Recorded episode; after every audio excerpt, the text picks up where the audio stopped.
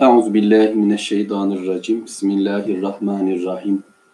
Elhamdülillahi rabbil alamin. Allahumme salli ala Muhammed. Eşhedü en la ilahe illallah ve eşhedü enne Muhammeden abduhu ve resulü. Sözlerin en güzeli Allahu Teala'nın kitabı olan Kur'an-ı Kerim. Yolların da en güzeli Hazreti Muhammed sallallahu aleyhi ve sellemin yoludur. Allah imkan verirse Yusuf suresinin bugün ikinci bölümünü konuşacağız. Ama dostlar, arkadaşlar toparlanıncaya kadar da ben Peygamber aleyhissalatü vesselamın sözlerinden, Ahmet bin Hanbel'in müsnedinden bazılarını inşallah okumaya gayret edeceğim.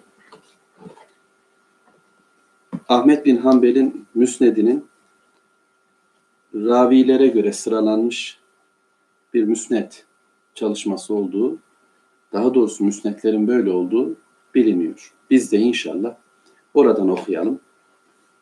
40.063. hadis-i şerifi okuyacağım. Ben bunu bir şekilde elhamdülillah okuyorum. İsra FM isimli radyoda da reklam gibi olacak ama bunu okuyoruz elhamdülillah. Oradan da takip etme imkanınız olur Rabbimin izniyle. 40.063. Resulullah sallallahu aleyhi ve sellem ile birlikte bir mağaradayken Mürselat suresi nazil olunca onu Resulullah'ın sallallahu aleyhi ve sellem ağzından dinleyip öğrenmeye başladık. Bu sırada mağaranın kenarında bir yılan çıkınca Resulullah sallallahu aleyhi ve sellem onu öldürün buyurdu. Öldürmek için davrandık ama elimizden kaçtı. Bunun üzerine Resulullah sallallahu aleyhi ve sellem sizin onun şerrinden korunduğunuz gibi o da sizin şerrinizden korundu buyurdu. Niye bu hadis-i şerifle başladım? Niçin bunu seçtim? Böyle bir hakkımız da yok onu da söyleyeyim. Bütün hadis-i şerifler bizi dost doğru cennet yoluna götüren Efendimiz sallallahu aleyhi ve sellem cümleleridir. Kur'an-ı Kerim'in ayetleri bizim için cennet yolunun rehberidir. Biz onlara takılıp peş sıra gideriz. Bununla beraber hadis-i şeriflerde Efendimiz sallallahu aleyhi ve sellemin bu yolu açıklamasıdır. Bu bakımdan böyle bir seçme lüksümüz de yok. Hepsi bizim için hayırdır, berekettir. Özellikle şu şekilde seçmenin büyük bir sıkıntı olduğunu biliyorsunuz. Kendi kafamda bir din anlayışı var ve bunu doğrulatmak için Peygamber sallallahu aleyhi ve sellemin sözlerinden bir yol bulacağım kendime. Bak peygamber de böyle diyor filan diyeceğim. Allah korusun bu dini bozmak anlamına gelecektir. Ama Rabbim muhafaza etsin. Bizim niyetimiz o değil. Allahu Teala'nın bizim için istediği bir hayatı anlama noktasında kulluğumuzu çoğaltacak, hareketlendirecek şeyler peşindeyiz. Onun derdindeyiz. İnşallah. Burada Resulullah sallallahu aleyhi ve sellemle alakalı bir bilgi görüyorum. Resulullah sallallahu aleyhi ve sellem Kur'an'ı nerede olursa olsun kendisine gelen kitabı öğretiyor. Ve Kur'an da ona her yerde geliyor. Necis ortamlar dışında Rabbimizin kelamı gecede ya da gündüzde otururken, yürürken ya da yolculuk sırasında sürekli Rabbimiz kelamından ona indirdi. Ayetler pey pey geldi ona. Şimdi burada da bir mağara, muhtemelen Mekke günleri. Efendimiz sallallahu aleyhi ve sellem Abdullah İbni Mesud ve arkadaşları ki inşallah onlarla ilgili bir başka bilgi daha okuyacağım biraz sonra bununla bağlı olarak. Bir mağaradalar. Herhangi bir kovuk diyeceğimiz bir yer. Efendimiz sallallahu aleyhi ve sellem onlara konuşuyor. Onlar da dinliyorlar. O sırada vahiy geldi. Mürselat suresi. Ve Mürselat suresini Resulullah sallallahu aleyhi ve sellem onlara öğretti. Demek ki bizim de hayatımız böyle olacak. Hangi ortamda olursak olalım, nerede yaşarsak yaşayalım, hangi hayat pozisyonunda olursak olalım vahiy bize gelmeli. Yani Allah'ın ayetleriyle birlikte olmalıyız. Kur'an bizim gönlümüze inmeli. Kur'an bizim zihnimize inmeli, hayatımıza inmelidir. Sonra sonra inince de bunu etrafımdakiler öğreteceğim. Yani burası öğretilecek yer değil, burası öğrenilecek yer değil demeyeceğiz. Allah'ın kelamını okuyup, anlayıp, öğrenip insanlara aktaracağım, çabalayacağım. Mürselat suresi benim gündemim olacak. Mesela bugün böyle bir bilgi geldi. Hamdolsun ben size söyledim. Mürselat suresine söylemek istedim ama program elhamdülillah Yusuf suresi üzerinde konuştuk. Onu anlatacağız, onu söyleyeceğiz, söyleşeceğiz dedik. Bu bakımdan önceliğimiz Yusuf suresi olacak. Ama Rabbim kolaylaştırsın, Allah imkan versin. Bir gün Murselat suresini konuşalım, okuyalım. Kendimizi Efendimiz sallallahu aleyhi ve sellemle birlikte bir mağarada kabul edelim. Hatta öyle bir mağara ki biraz sonra bir yılan da çıkabilecek, Allah korusun. Onu öldürmeye çabalayacağız, o kaçacak filan. Böyle hayatın içinde, sıkıntıların, dertlerin arasında problemlerle birlikte olurken şimdi derdim var, tasam var, ben okuyamam, öğrenemem demeden öğreneceğiz. Kalp vahyi açık, dil vahiy sözcüsü durumunda bir hareketi, bir hayatı yaşamak istiyoruz. Derdimiz bu. Bu birinci hadis-i şerif. Öyleyse ben de bugün sizlere ve kendime Mürselat suresini ödev olarak vereyim. Şöyle biraz daha size doğru yaklaşayım. Amatör bir durumumuz var. Bundan dolayı Rabbim bereketlendirsin diyoruz öncelikle. Ee, bir kardeşime şöyle söyledim. Dedim ki e, kamera çekimi ve yayın kalitesinde problemler olabilir. Daha nitelikli bir şey oluşmadı. Ama e, Rabbim inşallah niyetlerimizi güzelleştirsin. Niyetlerimiz kaliteli olsun. Samimiyetimizi bozuk olmasından da Allah'a sığınalım. Bu görselliğin mutlaka bir samimiyete düşürdüğü bir gölge var. Allah onun şerrinden bizleri muhafaza buyursun. Sizleri de, beni de, hepimizi de.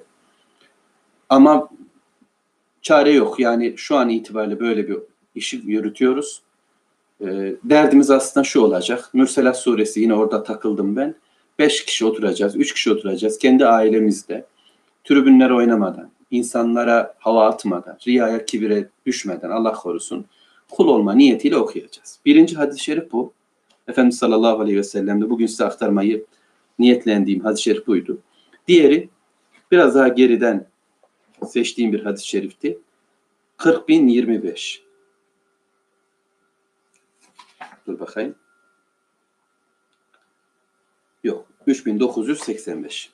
3985. Abdullah İbni Mesud. Hocam hep Abdullah İbni Mesud'dan mı aktarıyorsun diyorsun. Burada şimdi Abdullah İbni Mesud'un rivayet ettiği hadis-i şerifler var. Ben de bunları söylüyorum. Bunlarla ilgili konuşuyorum. Çünkü Hazreti Abdullah'ı tanıyoruz. Abdullah Efendimizin bize aktardığı bilgilerle hayatı görme çabamız var. Bundan önce Abdullah İbni Abbas o rivayet ediyordu. Efendimizden duyduklarını, gördüklerini bize söylüyor, bize anlatıyor, bize örneklendiriyordu. Şimdi Abdullah İbni Mesud'u okuyorum ben. Dolayısıyla hem sahabeyi öğrenmiş oluyorum, hem sahabenin Peygamber Aleyhisselatü Vesselam'a bakışını görmüş oluyorum. Böylece sahabenin baktığı yerden Resul sallallahu aleyhi ve selleme, Resul sallallahu aleyhi ve sellemin hayata bakışını, Kur'an'ı anlayışını, hayata uygulayışını görme imkanım oluyor. Böylece Efendimiz ve sahabeyi hatta sahabeyi takip eden tabiini görme imkanımız oluyor hadislerle birlikte olduğumuzda. İnşallah biz de çoğaltacağız bunu. Biz de onlarla, bu salihlerle, bu sadıklarla birlikte oldukça bizim de hayatımızda bir başkalık olacak umudundayız. Abdullah İbni Mesud'un şöyle dediği rivayet edilmiştir. Ahmet bin Hanbel'in müsnedi 3985. hadis-i şerif. Kureyş'ten bir grup Resulullah sallallahu aleyhi ve sellemin yanına uğradı. Bu sırada onun yanında kim var? Habbab, Süheyb, Bilal, Ammar. Bunlar var. Kureyşler dediler ki ey Muhammed bunlara mı razı oldun deyince ey Muhammed bunlara mı razı oldun deyince onlar hakkında Enam suresinin 51. ayetinden Enam suresinin 58. ayetine kadar ki bölüm geldi. Hepsini okuyamam şimdi. Bu ayet-i kerimelerin çok kıymetli ayetler. Konuşmamız lazım, düşünmemiz lazım üzerinde. Lütfen bakın inşallah. Ben söylüyorum. Enam suresi 51'den 58'e kadar. Abdullah İbni Mesud böyle söylüyor. Bu bölüm geldi. Ee, şöyle diyor 51. ayet. Kendileri için Allah'tan başka ne bir dost ne de bir şefaatçi bulunmaksızın Rablerinin huzurunda toplanmaktan korkanları Allah'a karşı gelmekten sakınsınlar diye onun ile, Kur'an ile uyar. Yani Allahu Teala'nın kitabıyla uyaracağız. Birincisi bu ve enzir bihillezine yahafune en yuhş en yuhşeru ila rabbihim. Bu şekilde Allah'a karşı gelmekten sakınan, korkan, bir gün ahiret günü toparlanacağız bilgisini taşıyan Müslümanları yine Allah'ın kelamı ile uyaracağız. Bakın Kur'an'la anlatmak, Kur'an'la uyarmak, Fezekkir bil Kur'an, kitabı gündem yapmak gibi bir derdimiz olacak. Başkalarının gündeminden bize ne? Biz niçin bizim önümüze konulan, bizim önümüze sunulan, bize arz edilen şeylerle beraber olup duracağız? Birileri bir konu seçiyor, hadis bile olsa. Bir ayet seçiyor, önümüze atıyor böyle ve diyor ki bak bunlarda bir şeyler var ve herkes bunu tartışıyor. Eğer bir din öğreneceksek, ciddiysek, cennet yolunda yürümek istiyorsak alalım bir hadis kitabını elimize, baştan sona bitirelim. Buhari, Müslim diyelim. Ve böylece ya Rabbi ben senin efendim peygamberinin yolunda yürüyeceğim. Bana bunu öğret diyelim. Allahu Teala bize öğretsin. Kur'an'dan bir ayeti seçiyor adam. Onu gündem yapacak. Onu söylüyor. Din anlatırken bile. Hele ki din değilse konu, dünya ise, ekonomi ise, sosyal hayatsa, eğlence ise, hastalıksa, sağlıksa, haberlerse herkes onu konuşuyor. Gece gündüz bununla birlikte oluyoruz. Bizim zikrimizi kim belirleyecek? Beni yaradan, bana rızık veren, beni yaşatan ve ahiret günü beni hesaba çekecek olan Allahu Teala benim neyi konuşacağım tespit etmeli. Bilgiler ondan gelecek, ağzımdaki cümleler ondan. Dolayısıyla Mekke kafirlerinin bakış açısı çok komik aslında. Geldiler ve dediler ki ey Muhammed sallallahu aleyhi ve sellem yeni meclisin hayırlı olsun filan yani bu adamlar birisi Ammar, birisi Süheyb, birisi Habbab, birisi Ammar dedik onu değil mi? Abdullah İbni Mesud. Yani çobanlar, demirciler, köleler, bilaller filan böyle adamlarla oturuyor Resulullah Efendimiz. Oysa daha evvel nasıldı vahiden önce? Mekke aristokrasi onu kabulleniyordu. Oradan arkadaşları da vardı. Abdülmuttalib'in torunu. Onlar için değerli birisiydi, önemliydi. Ama şimdi, şimdi etrafındakiler bunlar. Meclise bak, meclise bak diyorlardı. Kafalarındaki kıyaslama böyleydi. İnşallah biraz sonra Yusuf suresinde de benzer bir zihni anlamaya çalışacağız. Çok da uzatmayayım. Hemen oraya doğru geçeyim inşallah. Bu bakımdan Rabbimiz Peygamber Aleyhisselatü Vesselam'a Enam suresiyle dedi sakın onları kovma. Düşünme bile. Yani kimin grubunun daha hayırlı olacağı yarın kıyamet günü belli olacak. O alay edenlerin halleri sonra değişti. Bilal'i Kabe'nin damında gördüler. Abdullah İbni Mesud'u bir ağaca, erak ağacına çıkmış, misvak kesiyor kendisine. Orada gördüğünde sahabeler gülüştüler bacaklarının inceliğine. Peygamber Aleyhisselatü Vesselam dedi ki onun bacaklarının ağırlığı bir de kıyamet günü Allah katında görseniz Uhud dağı kadar. Şimdi bu kadar şerefli bir insan var önümüzde. Abdullah İbni Mesud'u konuşuyoruz. Bilal Habeşi'yi konuşuyoruz. Ammar bin Yasir'i konuşuyoruz. Ammar ki ne zaman bir tercih durumunda kalsa mutlaka hayrı seçer diyor sallallahu aleyhi ve sellem. Şimdi öyleyse bizim de seçeceklerimiz bunlar. Bizim de yolumuzun rehberleri bunlar. Kaportaya göre değil, kimliğe göre değil, başka e, formalara göre değil, Müslümanlık ve samimiyet adına bir hayata evet diyeceğiz. Onu tercih edeceğiz. Son bir hadis-i şerif de okuyayım. Bunu da bizim gençler için okuyayım inşallah. Hem de Yusuf suresinin gideceği yer oralar diye ümit edelim. Onu da o şekilde 40 özür dilerim 4035. hadis-i şerif. Gözde anca görüyor, anca söylüyorum. Abdurrahman bin Yezid'in şöyle dediği rivayet edilmiştir. Abdullah İbni Mesud'un yanına girdik. Yanında Alkame ve Esvet bulunuyordu. Onunla konuşmaya başladı. Ancak benim için konuştuğunu biliyordum. Abdurrahman böyle diyor. Yani onlarla konuşuyor ama aslında bana söz söylüyor. Ben bunu hissettim. Çünkü ben oradakilerin yaşça en küçüğüydüm. Abdullah'ın yanında talebeleri var. Ondan İslam'ı öğrenen, Kur'an'ı öğrenen, Peygamber Aleyhisselatü Vesselam öğrenen kimseler var. Onlar yanındalar. En küçüklerinden Abdurrahman. Diğerlerini konuşuyor ama Abdurrahman'a söz söylüyor. Diyor ki şöyle anlatıyor Efendimiz'den bir bahis. Biz gençler Resulullah ile birlikteydik diyor Abdullah bin Mesud ve hiçbir şeyimiz yoktu, çulsuzduk. Resulullah sallallahu aleyhi ve sellem şöyle buyurdu. Ey gençler topluluğu sizden kimin evlenmeye gücü yetiyorsa hemen evlensin. Çünkü evlilik gözü haramdan korur ve kişi iffetli kılar. İmkanı olmayanlar da oruç tutsun. Çünkü oruç kişinin şehvetini azaltır. Resulullah sallallahu aleyhi ve sellem evliliğe teşvik ediyor.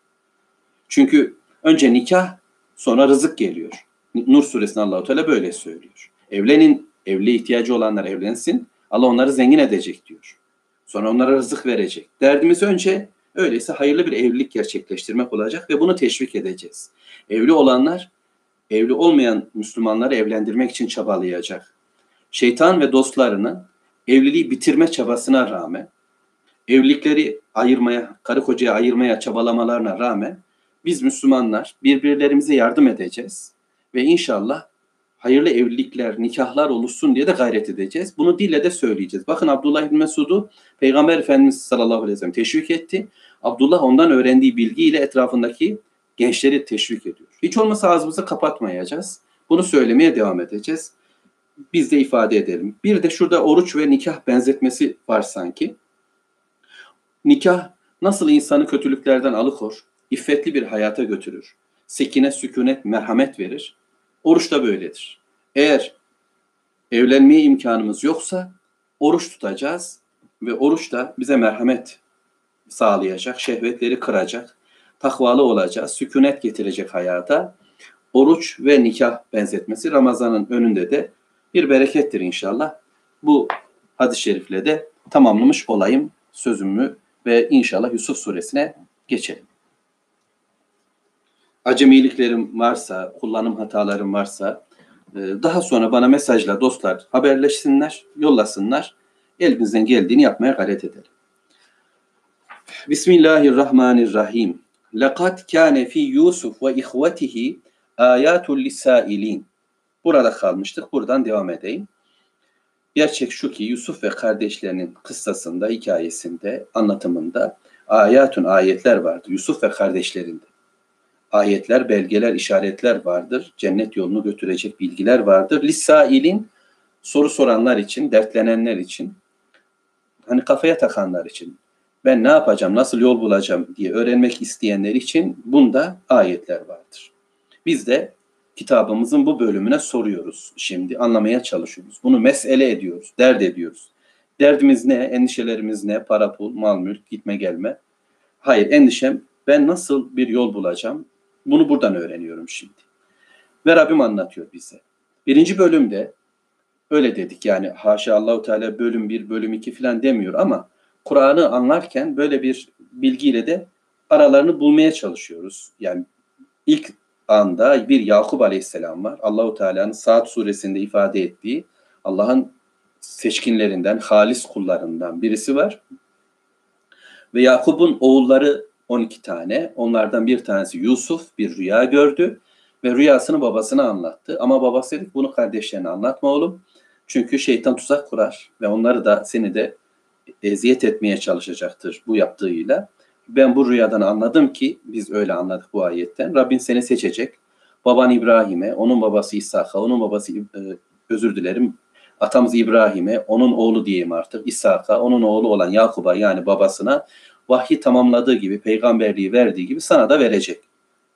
Şimdi Yusuf Aleyhisselam bu bilgiyi aldı, bu rüya ile donandı. Üzerin, üzerinde, yüzünde bu görüldü ve bunu hissetti kardeşler. Babanın olan ona olan şefkatini, farklılığını sezdiler.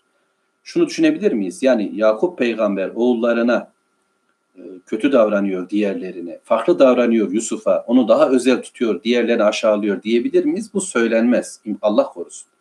Fakat diğerlerinin bu taraklarda bezi o zamanlarda yok. Bunlar da peygamber çocuğu olduğu için onlar hakkında kötü söz söylemekten Allah'a sığınıyoruz.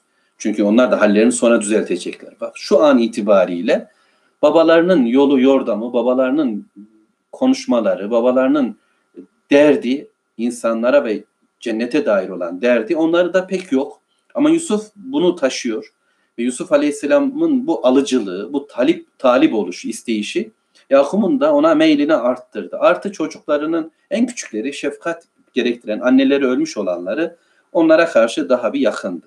İşte bu ve buna benzer durumlarla kardeşler ta ilk zaman şeytanı da yoldan çıkartan haset duygusu, öte yandan Habil ve Kabil arasında oluşan o haset duygusu yine gündeme geldi ve kardeşler bir araya toplandılar. Ayet 8. İzgalu dediler ki Le Yusuf ve ahuhu ahabbu ila ebina minna. Yusuf ve kardeşi yani Bünyamin olduğunu biliyoruz ismini kaynaklardan. Ahabbu ila ebina minna. bizden babamıza daha sevgilidir. Babamız onu daha çok seviyor bizden. Öyle hissettiler, öyle düşündüler. Öyle bir evham, bir vesvese kalplerine oturdu. Şeytan bunu söyledi. Bak babanız onu seviyor, onu tutuyor, onunla beraber, onunla yaşıyor. Sizi hiç önemsemiyor, size hiç konuşmuyor. Şeytan bunu bize sıklıkla yapar.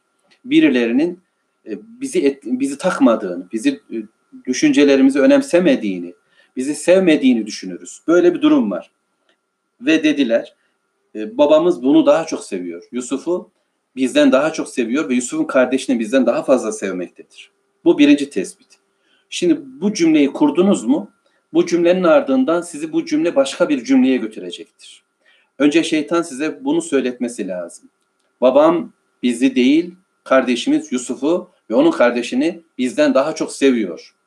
Bu zihinlerinde oturdu. Bir yanlış karar, bir zan. Buna evet dediler. Bu karar, bu düşünce, bu felsefe onları şimdi yeni bir düşünceye götürdü. Oysa dediler, oysa وَنَحْنُ usbe. Biz güçlüyüz. Organize bir cemaatiz, bir topluluğuz. Tarlaya giden biziz. Hayvanlara bakan biziz. Kavmin işlerini gören biziz. Evin işlerini gören biziz. Güçlü insanlarız.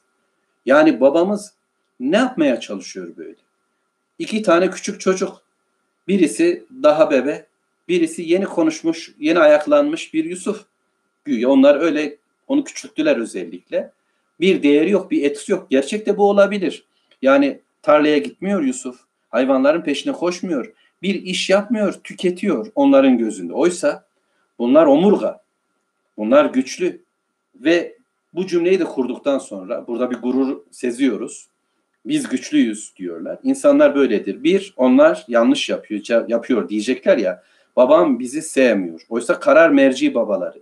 Yani kabilenin de, köyün de, İsrailoğullarının yaşadığı o bölgedeki Kenan diyarındaki Müslümanların da dinlerine, imanlarına, sosyal hayatlarına tesir eden kişi Yakup peygamber. Ve Yakup aleyhisselam hakkında konuşuyorlar. Babamız bizi sevmiyor, onu daha çok seviyor dedikten sonra biz güçlüyüz dediler. Kararı güçten yana aldılar. Şeytanın da böyle bir yanılgısı var biliyorsunuz. Ben ateşten yaratıldım. O topraktan yaratıldı, çamurdan yaratıldı. Ben ondan üstünüm dedi. Dikkat edin şeylerin kıyaslanması, maddenin maddeyle kıyaslanması materyalizmin gerektirdiği bir durumdur. Zihinlerde de şeytan bunu oluşturuyor. Müslüman da olsalar, Yakup'un oğulları ki öyleler, düşünceleri bu şekilde gelişti. Ve nahnu usbe. Biz güçlüyüz. İnne ebâne lefi dalalin mubin. Bizim babamız apaçık bir yanılgıdadır dediler. Sapıklık değil haşa. Babalarını peygamber biliyorlar. Onların onun değerinin ne olduğunu biliyorlar. Fakat tercihini yapamadığını düşünüyorlar. Allah korusun. Bu iyi bir tercih değil dediler. Babamızın yaptığı tercih olası bir tercih değil. Yanlış yere gidiyor. Eğer bu toplumun geleceğini düşünüyorsa yatırımı bize yapmalı. Bizi sevmeli. Çünkü güçlüyüz. Biz kuvvetliyiz. Para bizde. Yetenekler bizde. O çocuklarla uğraşıyor dediler. Ve biraz önce hadis-i şerifte okuduğum gibi Mekkeliler de Bilal, Ammar, Süheyb konusunda nasıl yanıldılar? Onları değersiz, işe yaramaz, kendilerini güçlü, kuvvetli, homojen, organize bir topluluk gördüler. Nasıl ötekiden aşağıladılar? Burada da böyle bir durum var. Babamız yanlış yapıyor dediler. Şimdi hepsinin içinde dolaşan, kalplerinde dolaşan bir dünya var, bir söz var. Onu dile getirmek imkanına sahip değildiler. Biliyorsunuz kötülük kalpteyse kalpteki kötülüğün ağza gelmesi zaman alır. Bunu içeride bir kin haline getirmek gerekiyor. Kararın ağızdan fırlayabilmesi, dile gelmesi, amele dönüşmesinin bir öncesidir. Bu bakımdan onlar iç dünyalarında hepsinin tek tek belki düşündüğü, hissettiği bir konuyu içlerinden en cesurları, günaha aslında en meyillileri ortaya attı ve söyledi. Dedi ki uktulu Yusuf. Ayet 9. Yusuf'u öldürelim dedi. Yusuf'u öldürelim dedi. Bunlar şimdi neredeler? Köyün herhangi bir yerinde on kardeş toplanmışlar. Bünyamin yok, Yusuf yok. Onları kardeş kabul etmiyorlar. Onu dışarı koymuşlar. Yusuf ve kardeşi diye ayırıyorlar. Anne bir, Onlar çünkü bir arada. Baba bir kardeş de olsalar Yusuf'u kendilerinden hissetmiyorlar. Kendilerinin dışında bir yerde tutuyorlar. Bu on kardeş, bunların anneleri ayrı oysa ama on kardeş olarak kendilerini aynı dava konusunda, aynı güç ortamında bir arada hissediyorlar. Böyle bir birliktelik kuruyorlar. Ben cilliğin bir ötesinde bir tavır bu. Toplumsal olarak bir bencillik var burada. Buna ne diyeceksek bilmiyorum. İşte dediler babamız yanılgı da biz güçlüyüz. Onlar sevilmez. Öyleyse nasıl halledeceğiz problemi? Nasıl bitirelim? Babayı aşmaları mümkün değil. Babayı aşmayı da düşünmüyorlar. Babayı öldürelim. Bu kararı bitirelim. Tamam bundan sonra yetki bizim olsun diyemezler, demezler. Ama önlerindeki en büyük engel kameranın önüne oturmuş olan yani Yakup peygamberin gözünün önüne oturmuş olan kişi kim? Yusuf aleyhisselam. Onu ortadan kaldırırlarsa Yusuf'u kapattığı açıdan kurtulacak Yakup onların zihnine göre. Aa benim oğlanlarım varmış. Hem de güçlülermiş diye ayıkacak. Kendine gelecek. Görecek filan böyle düşünüyorlar. Bundan dolayı uktulu Yusuf. Yusuf'u öldürelim dediler. Ortadan kaldıralım. Bir diğeri belki ya da bir cümlenin devamı evit rahuhu ardan ya da onu arzımızdan, ortamımızdan, mekanımızdan atalım, sürelim, gönderelim bir yere dediler. Yahlu lekum ve ebikum. Böylece babamızın yüzü bize dönsün. Babamız bizi görsün. Aa desin benim çocuklarım var desin. Ve tekunu ama böyle yaparsak günaha gireceğiz. Kardeş katili olacağız. Bunu da biliyorlar. Yani günah nedir biliyorlar, Allah'ı biliyorlar, peygamberini biliyorlar, kitabı biliyorlar, yasayı biliyorlar, ahiret gününü biliyorlar. E, ne yapacağız ya? Bakın Yahudileşme daha sonralar Süleyman peygamberden sonra bu mantıklarla başladı. Yani Allah'ın dininin dünyevi hayat için kullanılmasıyla, dünyayı kazanmak adına dinlerini nasıl değiştirecekler? Bir bölümünü kapatıp bir bölümünü tercih edecekler. Hakla batılı nasıl birbirine karıştıracaklar? Bu sonra daha da şekillendi. Ama burada bir takım cümleler seziyoruz. Böyle dediler. Günaha gireceğiz. Evet doğru ama ne yapalım? وَتَكُونُ مِنْ بَعْدِهِ قَوْمًا صَالِحِينَ Sonra tövbe ederiz. Biz salih bir kavim oluruz dediler. Allahu Teala ıslah için döneceğiz. Yalvarır, yakarırız, yaptığımız hatadan vazgeçeriz, tövbe ederiz.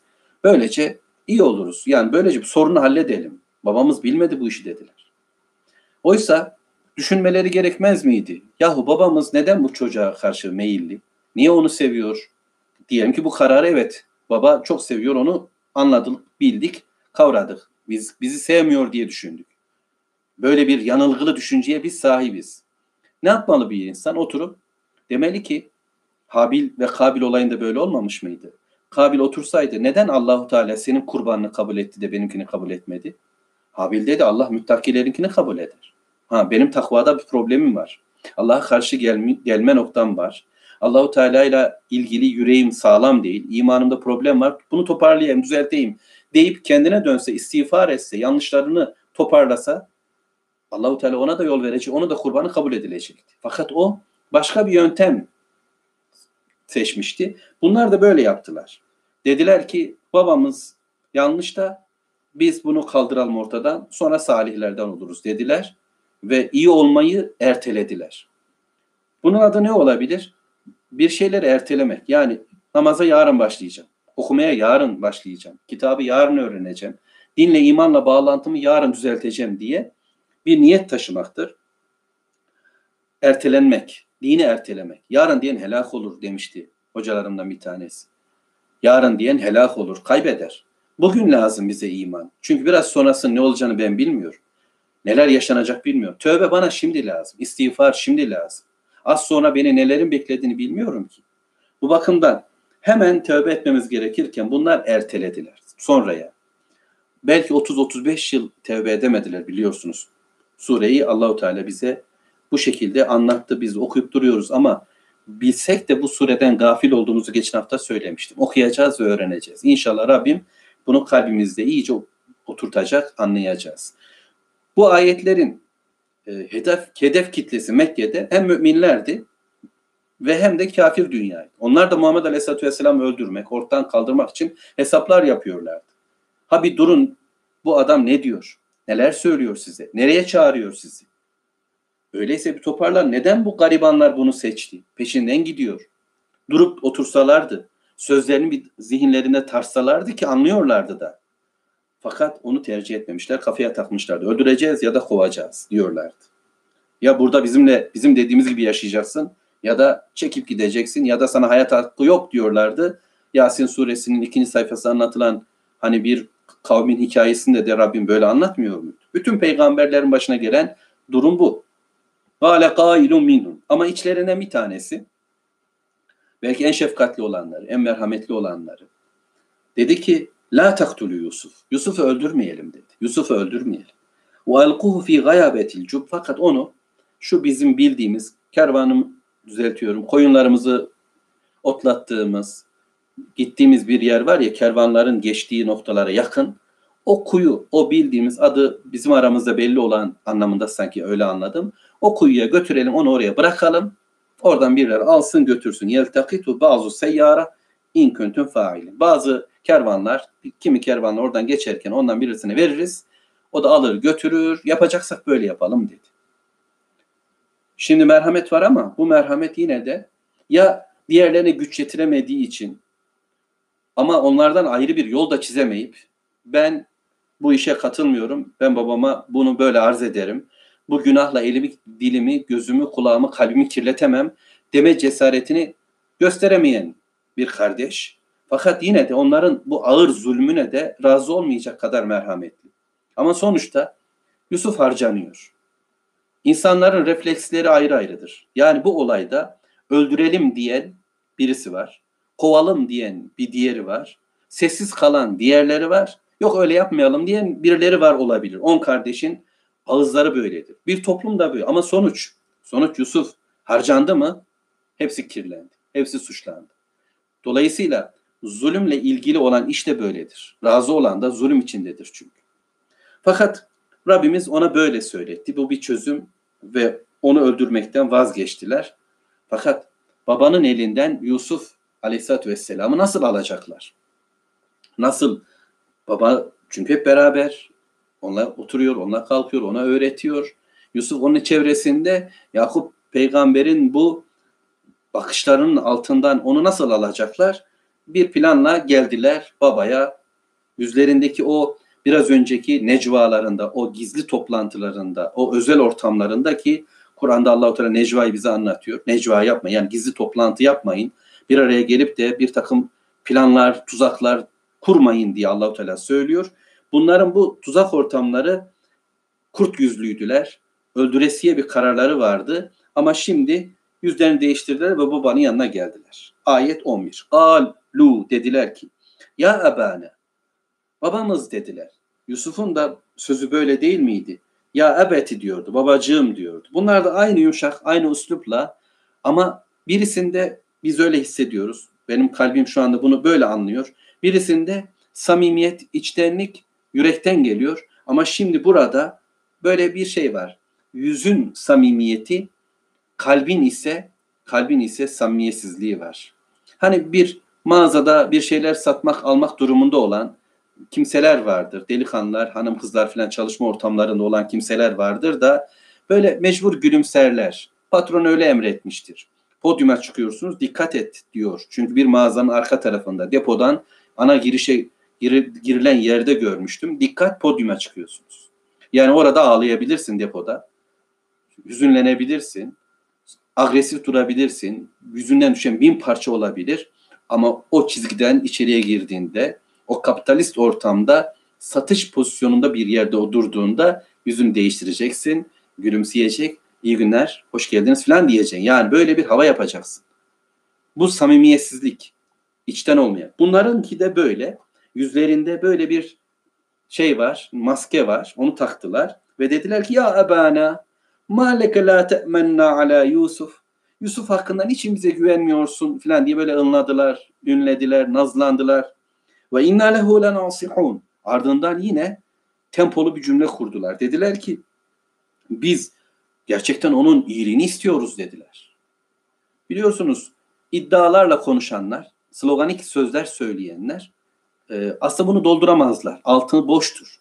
Ama böyle biz hepimiz gidiyoruz, geliyoruz, yaparız, ederiz, bizden sorulur filan türünden konuşanlar bir ciddiyetsizliği taşımaktadılar. Bizim de inanasımız geliyorsa vay be adam doğru söylüyor, yapacak, edecek filan diye de kanarız. İfade böyledir. Toplumlar böyle etkilenir. Nedense insanlar sloganlarla yaşamayı da sever. Bağırıp çağıran, yapacağız, edeceğiz, gideceğiz, geleceğiz filan dedi mi? Hacı hoca de böyle konuştuğunda seviliyor. Politikacı böyle konuştuğunda seviliyor. Ekonomist böyle şeyler söylediğinde seviliyor. İnsanlar böyle konuş. Burada da bunlar. Ve inna lehu lenasihun. Biz iyiliğini istiyoruz dediler onu. Ya baba biz bırak. Rahat ol. Niye bize güvenmiyorsun? Bizde ne var filan gibi bir suçlama da var. Oğlum nereden çıkarttınız? Niye size güvenmeyeyim? Siz onun kardeşsiniz, birliktesiniz. Ayrı gayrı yok ki. Yani böyle bir suçlayıcı tavır peşinen zihinlerindeki o kötülüğü de çağrıştırmaya başladı onlara. Ağızlarına bu dökülüyor. Dediler hemen babaya fırsat vermeden tekliflerini de sundular. Bak güvenmiyorsun ama biz onun iyiliğini istiyoruz ve teklifimiz şu. Ersilhu ma'na gade. Yarın bizimle beraber onu gör Babacığım o bizimle beraber gelsin. Ne yapacağız? Yerta ve yel'ab. Gezelim, tozalım, eğlenelim, oyunlar oynayalım, birlikte bir hayat yaşayalım, pikniğe götürelim. Biz böyle bir şeyler yapalım baba dediler. Ve inna lehu lehafizun. Tekrar iddialı bir cümle. Ve biz onu koruruz dediler. Ve inna lehu lenasihun ve inna lehu lehafizun. İkisinde de biz, biz, biz öne çıkan bir benliği görüyoruz. Toplumsal benlik. Kendilerini böyle bir formayla ifade ediyorlar. Aslında tek tek hepsinin pek bir şeysi yok. Ama bir araya geldiler mi acayip adamlar oluyorlar. Tek tek hepsiyle güzel halledebilirsin pek çok problemini. Ama bir araya geldiler mi kaya gibi oluyorlar. Ve diyor biz koruruz dediler. Biz onu muhafaza korkma sıkıntı yapma baba biz onu koruruz biz bunu yaparız. İnşallah yok. Allahu Teala'nın dile gelmediği cümleler bunlar.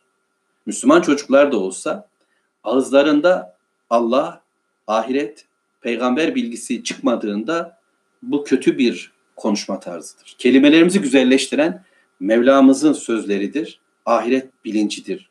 Ahiret tasasıdır. Gale Yakup peygamber bir peygamber ve bir baba. İstedikleri bir oğlu, isteyenler diğer oğullar. Ve ortada garip bir düzen var şimdi. Yakup Aleyhisselam bunu anlamaz mı? Yusuf'un rüyasını kavrayan, oğullarının yüzündeki ifadeleri, kelimelerin içindeki tadı, tınıyı, tonu hissetmez, duymaz, anlamaz mı? Anladı. Ama ne yapsın? Bir kader var. Ve onlar da oğulları. Gale inni le yahzununi en tezhebu bih. Onun sizinle beraber gitmesi, onu götürmeniz beni üzer dedi. Cümle burada hemen bitmeliydi. Babam senin mahzun olman demek bizim perişan olmamız demektir. Sen babamızsın, sen peygamberimsin. Seni üzmek bizim ahiretimizi heba eder. Olamaz. Durmaları lazım. Yakup Aleyhisselam bunu söylüyor. Bak mahzun olurum ben o giderse sizinle. Ve ahafu hem korkuyorum dedi. En yekulehu zib. Onu bir kurdun yemesinden korkuyor. Korkarım onu bir kurt yer. O entum anhu gafilun. Ve siz ondan gafil ki. Onun değerini bilmiyorsunuz çünkü. Parantez içerisinde ben öyle hissediyorum. Doğru mu anlıyorum bilemedim ama siz gafiller benim oğlumun bu Yusuf'un rüyasını olan Allahu Teala'nın peygamber olarak seçeceği bu cevherin, mücevherin siz değerini, kıymetini, kadrini bildiğiniz yok. Onu kurda yedirirsiniz siz. Ya da belki siz kurtlar bunu yersiniz demektir de bu belki böyle demiştir. Onu kurt yer. Ben ondan korkuyorum dedi. Yakup peygamber iki şey söyledi. Bir üzülürüm o giderse beni üzmeyin. Ve korkarım, bir korkum da var ki onu kurt yer. Bu iki cümleyi söylediğinde durmalar gerekirken onlar dediler ki galu leyn ekelehu zi'ib. Onu kurt mu yiyecek baba dediler. Onu kurt mu yiyecek? Ve nahnu usbe. Oysa biz güçlüyken. Bakın tekrarlıyorlar. Kendi aralarında bunu söylemişlerdi. Bu onlarda artık bir fikir olmuş. Biz güçlüyüz. Ve bunu söylediler. Ve nahnu usbe. Biz güçlüyüz. Biz yaparız ederiz. Maşallah yok. inşallah yok. Allah dilerse hayat böyle. İnsanın kendine böyle gü- güvenmesi, toplumuna böyle güvenmesi, bizler filan demesi mümkün olabilecek iş değil. Ve nahnu biz güçlüyüz. İnna izen la hasirun. Eğer biz varken biz güçlüler, kuvvetliler. Kenan'ın kurtlarının tırstığı bizler varken eğer onu kurt yerse biz mahvolmuşuz. Biz kaybedenlerden olmuşuz. Yani yazık bize baba dediler öyleyse eğer. Kenan'ın kurtları titriyor biz şöyle çıktığımızda. Yakup'un oğulları geliyor filan diye. Şimdi bu varken eğer biz Yusuf'u kurda yedirirsek biz kaybedenlerden oluruz. Aslında belki şöyle midir? Bu espri olsun. Yani biz varken onu kurda mı yediririz? Onun işini biz bitireceğiz demektir belki bu. Burada şöyle söyleyelim. Onlar götürüyorlar Yusuf'u. Dertlerine şöyle diyorlar belki Yakup peygamber. Baba yani oturuyorsun vaaz ediyorsun. Cennet anlatıyorsun, cehennem anlatıyorsun. Bu çocuğa sürekli böyle bilgi bilgi yükleniyorsun. Namaz, abdest bunları söyleyip duruyorsun. Ya bu çocuğun bir hayat hakkı yok mu? Bırak bir eğlensin, bırak bir gezsin, tozsun, biraz hayatı öğrensin. Biz onu bir götürelim bir pikniğe, bir kampa, bir gezmeye, bir tozmaya, bir eğlentiye. Şöyle farklı şeyler de yaşasın. Sen olmaz böyle üzerindesin sürekli. Sanki böyle dediler ve onu götürdüler. Müslümanları da böyle götürüyorlar. Piknikler, kamplar, gezmeler, tozmalar derken bizim hayatımıza da böyle limon sıkıyor birileri. Bizi bu şekilde harcıyorlar. Kuyulara atıyorlar ve diyorlar ki sizin için yaptık hem de. Devam edelim ayetle. Birkaç dakika daha konuşayım inşallah. Felemma zehebu bi. Onunla beraber gidince Yusuf'u aldılar. Yakup peygamberin elinden. Yakup aleyhisselam bilse de aman oğlum demişti. Bunu kardeşlerine anlatma onlar şeytan, düşman filan her şeyi biliyor. Ama elde olmayan şey var. Biraz sonra Rabbim lütfeder oraya yetişebilirsek bilmiyorum ama Allahu Teala işin galibi. Olduran da o. Dolayısıyla Yakup peygamber ileride de önlemler alacak, tedbirler ortaya koyacak fakat Rabbimizin dediği olacak. Her şey Allahu Teala'nın elinde gerçekleşiyor. Bize ancak bir rolün gereği Müslümanca bir hayat düşüyor. Onu yapacağız. Kulluğumuz ne gerektiriyorsa çabamız, önlemimiz olacak her şey olup gidecek. Onu aldılar. Beraber Yusuf'la birlikte çıktılar. Belki köyden çıkarken la la lam o hop eğlenceli gittiler. Fakat biraz çöle çıktıklarında eziyet etmeye başladılar. Ve ecma'u en yec'aluhu fi gayabetil cub ve onu götürdüler. O kuyunun karanlıklarına bıraktılar Yusuf Aleyhisselam. Babasının gözünün böyle bebeği olan o aziz varlığı kardeşler gözlerinde küçülttüler. Bakın baba nasıl bakıyor ona? Bir mücevher. Hiçbir yerde yok. Bunu çok titiz tutmalıyız diye dikkatle tutmakta, önemsemekte. Bilal, Ammar, Süheyb, Resulullah sallallahu aleyhi ve selleme nasıl bakıyor? Mekke'nin adamları nasıl bakıyor? Dolayısıyla Yusuf aleyhisselama bu surede bakışlar var. Biraz önce Yakup'un ona bakışını gördük. Şimdi de kardeşlerin kurt gibi bakışını görüyoruz. Onu harcayacaklar. Ve götürdüler, kuyuya attılar. Hep birlikte hem de. Hiçbirisi birbirine güvenmiyor. Her ne kadar biz güçlüyüz falan deseler de her birisi dediler ki gel gel sen paçasından, sen el, ellerinden, sen ayaklarından tutacaksın. Birlikte herkes elini bu suça basacak, kirlenecekler. Böylece hep birlikte attılar. Bir de içlerindeki intikam duygusu bir linç pozisyonunda onu hep birlikte kuyuya attılar. Ya da birisi bilhassa aslında hepsi onun kalbindeydi. O kalple davranıyorlardı. Suçu işleyen bir kişi olabilir bir toplumda.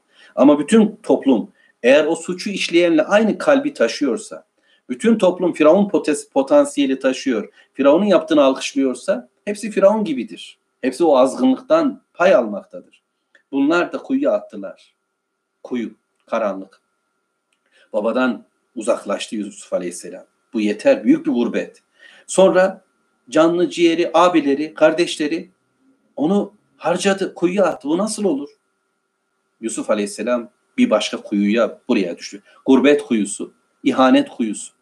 Sonra fiziksel anlamda karanlık, örtü böcek bunlar da var. Böyle bir korkunç ortam düştü Yusuf Aleyhisselam o kuyunun içerisine. Fakat kuyular, mağaralar, en dar, en sıkışık ortamlar Allahu Teala'nın sesinin, vahyinin insana ulaştığı yerlerdir.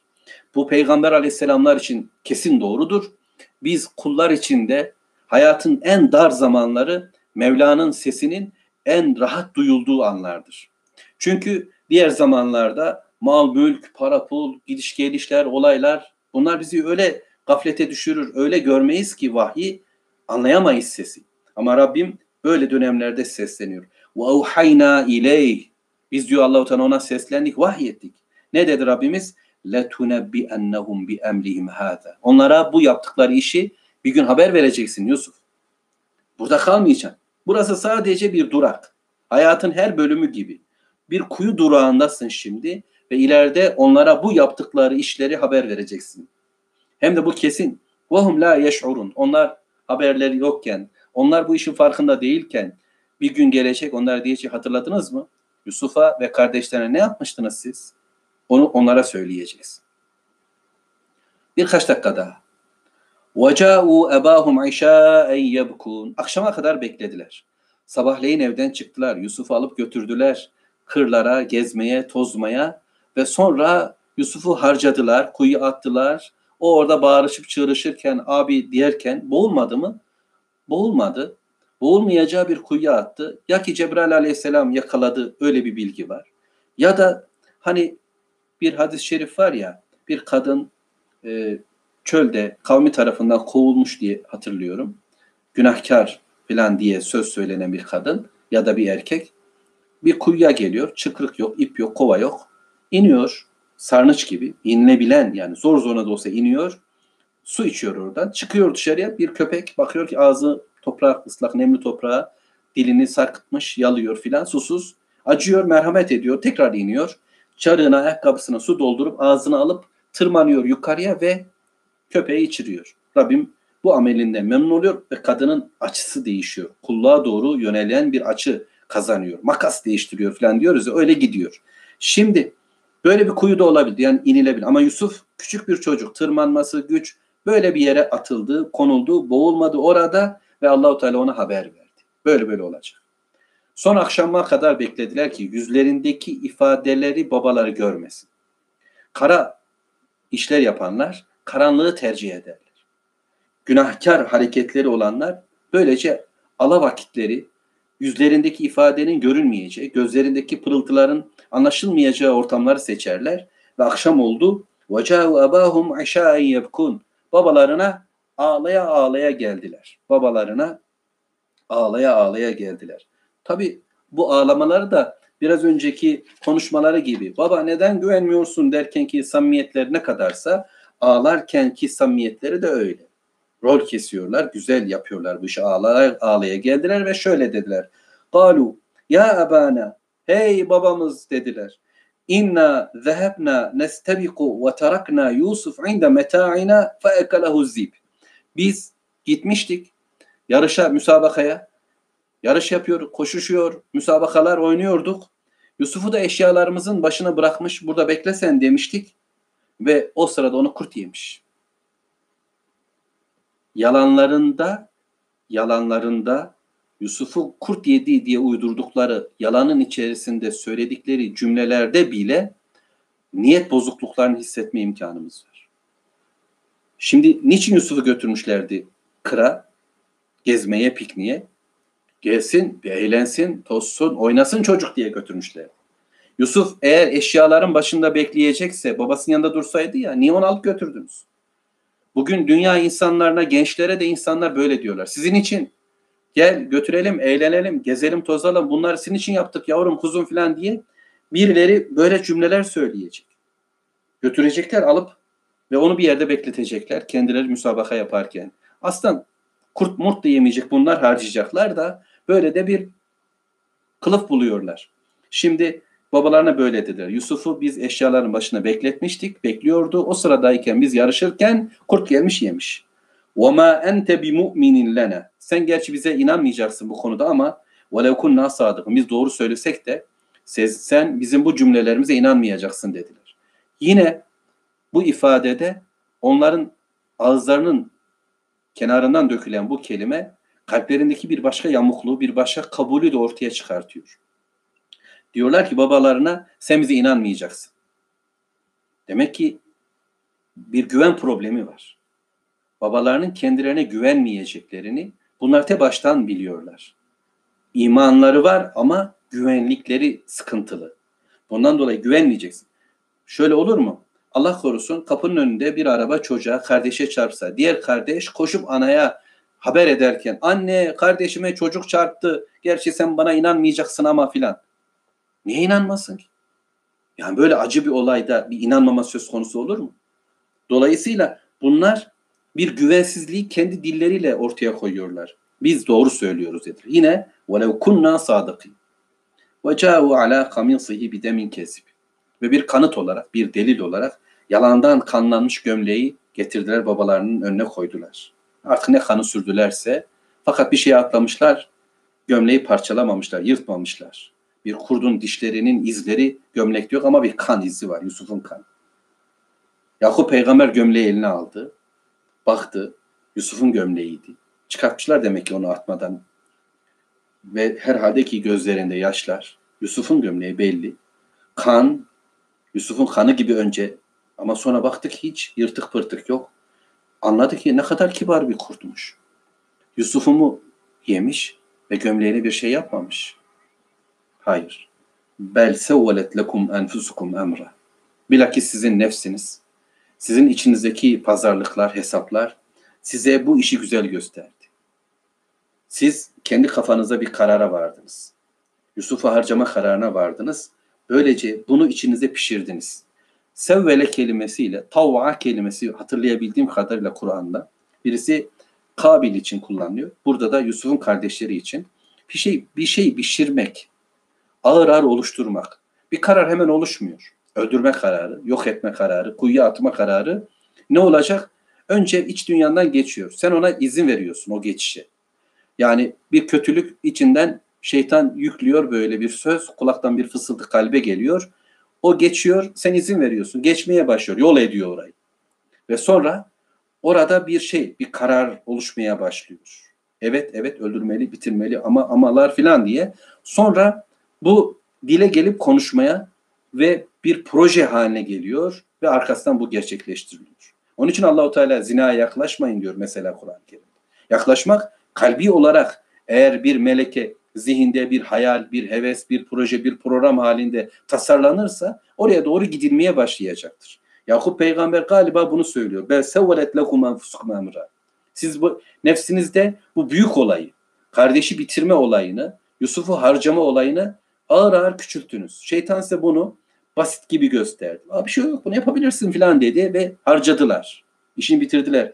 Buna bu olayı nefsiniz size böyle gösterdi. Ama ben ne yapayım? Bana ne düşer şimdi? Yaşadığım bu durum karşısında ben ne yapacağım? Evet, Yusuf gitti. Ne yaptınız, ne ettiniz diye söylese de cevap yok. Karşısında sadece ağlayan bize güvenmiyorsun ama böyledir diyen, onu kurt yedi diyen, başka bir şey söylemeyen ve yalanlar ortaya çıksa da gömleğin kanlı olması ama aslında hiç yırtılmaması Yusuf'un yaşadığının bir kanıtı olarak dursa da onlar bir şey demediler. İnat ettiler. İnat ettiler. O anda tövbe etme. Baba biz onu böyle yaptık deseler, ağlasalar belki baba çok kızacak. Gidecekler Yusuf'u alacaklar ve onlar da tekrar bir süre sonra affedecek. Belki toparlanacaklardı. İlk düşüşün ardından kalkış daha kolay olacaktı. Fakat inatla günaha devam ettiler. İlk günahtan sonra tövbe etmediler, günahlarında ısrar ettiler. Baba geçer diye düşündüler ve fakat onlar geçmediler. Böylece inat ettiler. Ama Yusuf'un yokluğu karşısında ve oğullarının bu düşüşü karşısında Yusuf kuyuya düştü ama izzet ve şerefle bir düşüş. Bir rüyanın gereği olarak düştü. Fakat kardeşler bir noktaya düştüler ki burada zillet vardı. Günahın aşağılanması vardı. Elbette elhamdülillah onlar da kalkacak ama o kalkış zor olacaktı. Ta Mekke'nin fethini bekledi kimileri dönebilmek için biliyorsunuz Peygamber Efendimizin zamanında da.